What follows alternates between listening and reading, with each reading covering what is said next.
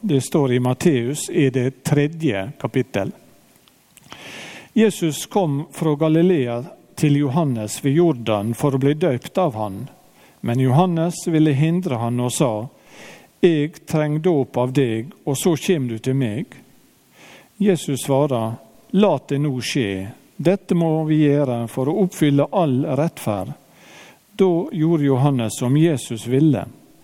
Med det samme Jesus var døpt, steg han opp av vannet, og sjå, himmelen åpna seg, og han så Guds ande komme dalene ned over seg som ei due, og det lydde ei røyst fra himmelen. Dette er sønnen min, han som jeg elsker, i han har jeg mi glede. Slik lyder det hellige evangeliet. Um skjer noe veldig spesielt i starten av denne teksten som er vanskelig å legge merke til. Og eh, Det går kanskje an å merke at det skjer et eller annet veldig stort her, men det er litt vanskelig å sette fingeren akkurat på hva det er. Men i vers 13, du har teksten bak baket som du fikk, så står det Da kom Jesus fra Galilea til Johannes ved Jordan for å bli døypt av han. På dette tidspunktet så er Jesus totalt ukjent. Ingen veit hvem han er. Det er lenge siden gjeterne og de vise menn kobla litt av hvem han var. Det er gått mange år, og han har levd i stillhet først i Egypt. Og nå kommer han fra Galilea, og han er en av alle andre, egentlig. Så han er lav i status. Han har ingenting å vise til. Det er ingen som eh, snur hodet og ser oi, her kommer Jesus gående. Døperen Johannes vet litt om hvem han er, og det får se etterpå. Men her er Jesus kanskje på sitt mest ukjente. Og hvis dere har hørt om Magnus Malm, en svensk forfatter, så påpeker han at det er litt artig at her er også Jesus i det laveste området i verden. Jordanelva renner ned i Dødehavet der ingen elver renner ut fra. Så her er Jesus skikkelig lavt nede i status, og geografisk så står han egentlig på det laveste punktet der han kommer til å være noe særlig. Den er helt ukjent. Han står kanskje i kø i lag med de andre som har lyst til å bli døpt av Johannes. For det er mange som vil bli døpt av ham. På denne tida er det Johannes som er kjent. Eh, og det står en plass at hele verden nesten kom til, eh, til Johannes for å bli døpt. Da kom Jesus fra Galilea til Johannes ved Jordan for å bli døpt av ham. Så skjer det store ting etterpå, i vers 14-17. Dere kan jukse litt hvis dere vil se på det, men jeg hadde lyst til at dere skal bare ta en liten pause her. Og så kan jeg få lese en annen tekst til dere. Fra Filipperne 2. Så står det om Jesus, kjente vers derfra, at han var i Guds skapnad og så det ikke som et rov, altså noe han skal gripe og ta til sitt eget, og være Gud lik. Men han ga avkall på sitt eget og tok en tjeners skapnad og ble menneskelik. Og da han sto frem som menneske, fornedra han seg sjøl og vært lydig til døden, ja, døden på korset. Så, sånn er det. Jesus kommer ruslende nesten inn i eh, sitt store tjeneste. Her skal han gjøre det største som har skjedd i historien. Og Han kommer ikke fra et slott, og han kommer ikke med en stor sånn, et følge som annonserer at nå, nå må dere følge med, nå kommer det en som er berømt i alle kretser. og Lista over hva han har gjort, er så lang at jeg vet ikke hvor jeg skal begynne en gang. Han har skapt universet. Han, ikke sant? Eh, det er ikke nok sånn. Han bare dukker opp. Han står i kø, sannsynligvis. Og så blir det hans tur, og så går han til dåpen. Johannes skal få døype han. Her ser vi egentlig litt av Filipperne 2 i praksis. At her har Jesus gitt avkall på sitt eget. Han som, som er så høy og så stor og så kjent og så mektig. han er villig til å gå inn i det vanlige. Og akkurat dette tror jeg Det er veldig lett å hoppe over det i tekster. Da kom Jesus fra Galilea. Så gå oss videre til de spennende tingene. Eh, men det at Jesus her egentlig er en del av hverdagen, at han er en del av mengder Det er ikke han som står på scenen. Det er ikke han som eh, signerer autografer på forhånd. All Spotlyset er på en måte på Johannes her. Og Jesus er en av de som står og venter. Men plutselig så er han der. Plutselig så er han der i en vanlig dag. og jeg tror Akkurat dette tror jeg vi kan legge masse i et som filipperne trekker det fram. Paulus skriver om det. At når livet vårt er litt sånn Når vi står litt bak i kulissene, eller når vi har en vanlig dag, en sånn dag som du Når du legger deg på kvelden, så vet ikke du helt hva du skal si. Det er en fin dag, kanskje, men ikke en sånn dag som du kommer til å huske. Det er ikke noe stort som er skjedd. Eller kanskje hele livet ditt føles litt sånn om dagen at ting går kanskje ikke så veldig oppover.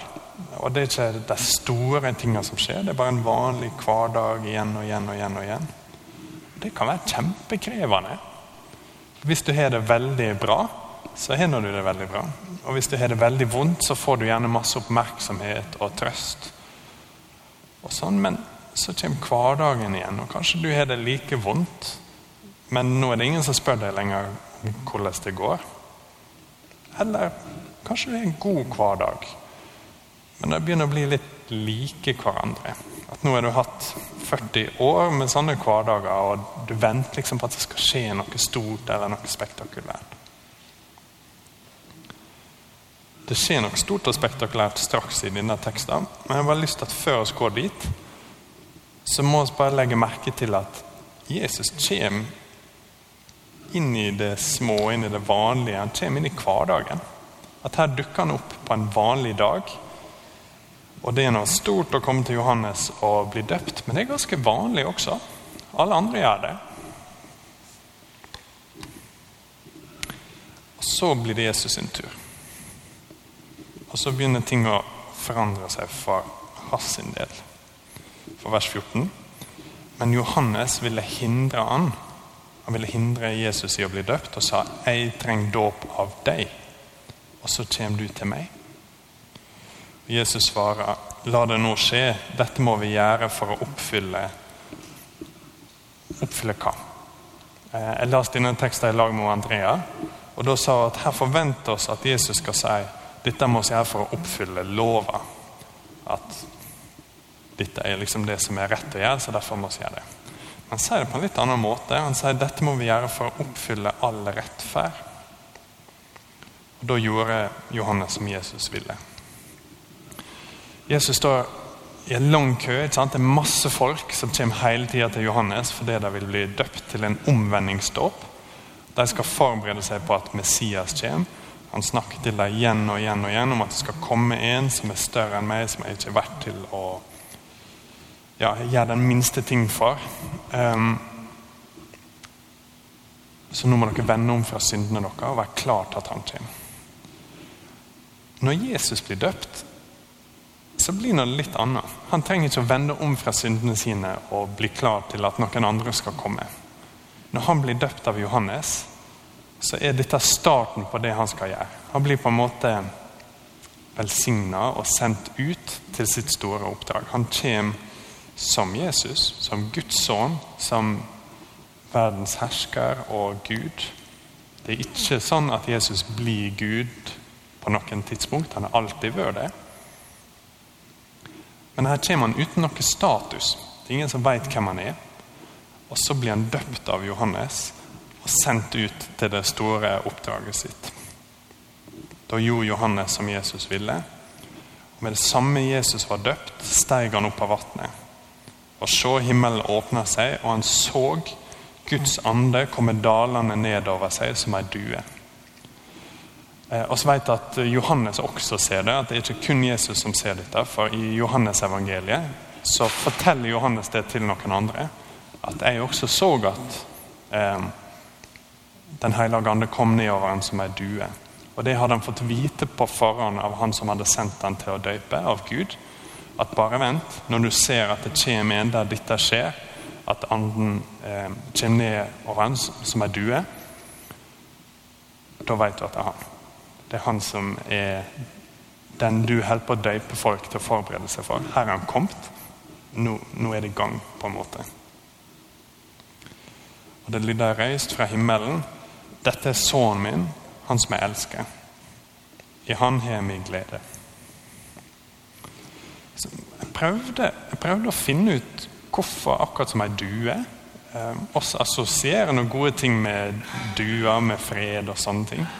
Eh, jeg har ikke helt klart å finne det ut. Hvis du blar litt i Det gamle testamentet, så er due er brukt masse i høgsangen som et kjærlighetsord. At du mi du Jeg klarer ikke å huske akkurat. Eh, jeg skal prøve det på Andrea, men det tendens ikke funker så bra med ting fra høgsangen. Men, så det kan være det. At uh, Den hellige ande kommer her som en due for å på en måte erklære far sin kjærlighet til sønnen. Det kan også være en kobling til eh, når Noah sender ut fugler. Så er det ei due som først kommer tilbake med et oljeblad. Og så er det ei due som ikke kommer tilbake i det hele tatt. Og da vet han at å, nå er jeg redda. Nå er land kommet tilbake igjen, og vannet begynt å synke. Det kan være sånne ting, men jeg er ikke sikker. Hvis hvis du vet hvorfor Den hellige ande kommer som ei due, så vil jeg veldig gjerne høre det etterpå. Så kommer det ei røst fra himmelen som sier 'Dette er sønnen min, han som jeg elsker. I han har min glede'. Eh, og ser egentlig litt fortsettelsen av det Paulus skriver i Filipperne også. Han sto frem som et menneske og fornedra seg sjøl til døden og ble lydig til døden, ja, døden på krosset. Derfor har òg Gud opphøyd han til det høgste og gjeva navnet over alle navn.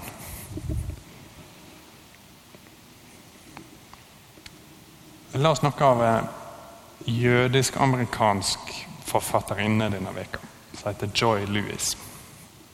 Eh, og Hun fortalte litt om hvordan det var å leve i Amerika på 20-tallet. For hun var en hard ateist, sånn som hun beskriver det sjøl. Uh, uten at hun hadde tenkt så masse gjennom det. Hun var bare vokst opp sånn. Så På 1920-tallet så sier hun at det eneste jeg levde for, var den amerikanske velstanden. For det gikk veldig bra i USA på starten av 20-tallet. Så sier hun at i 1930 så hadde jeg derfor ingenting å leve for.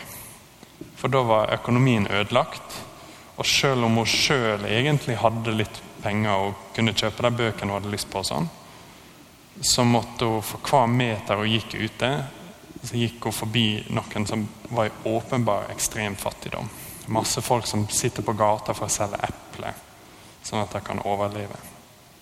Så sier jeg at det som var hennes store drøm, det hun virkelig skulle leve for, det var bare blitt ødelagt over natta med det store børskrakket og sånne ting.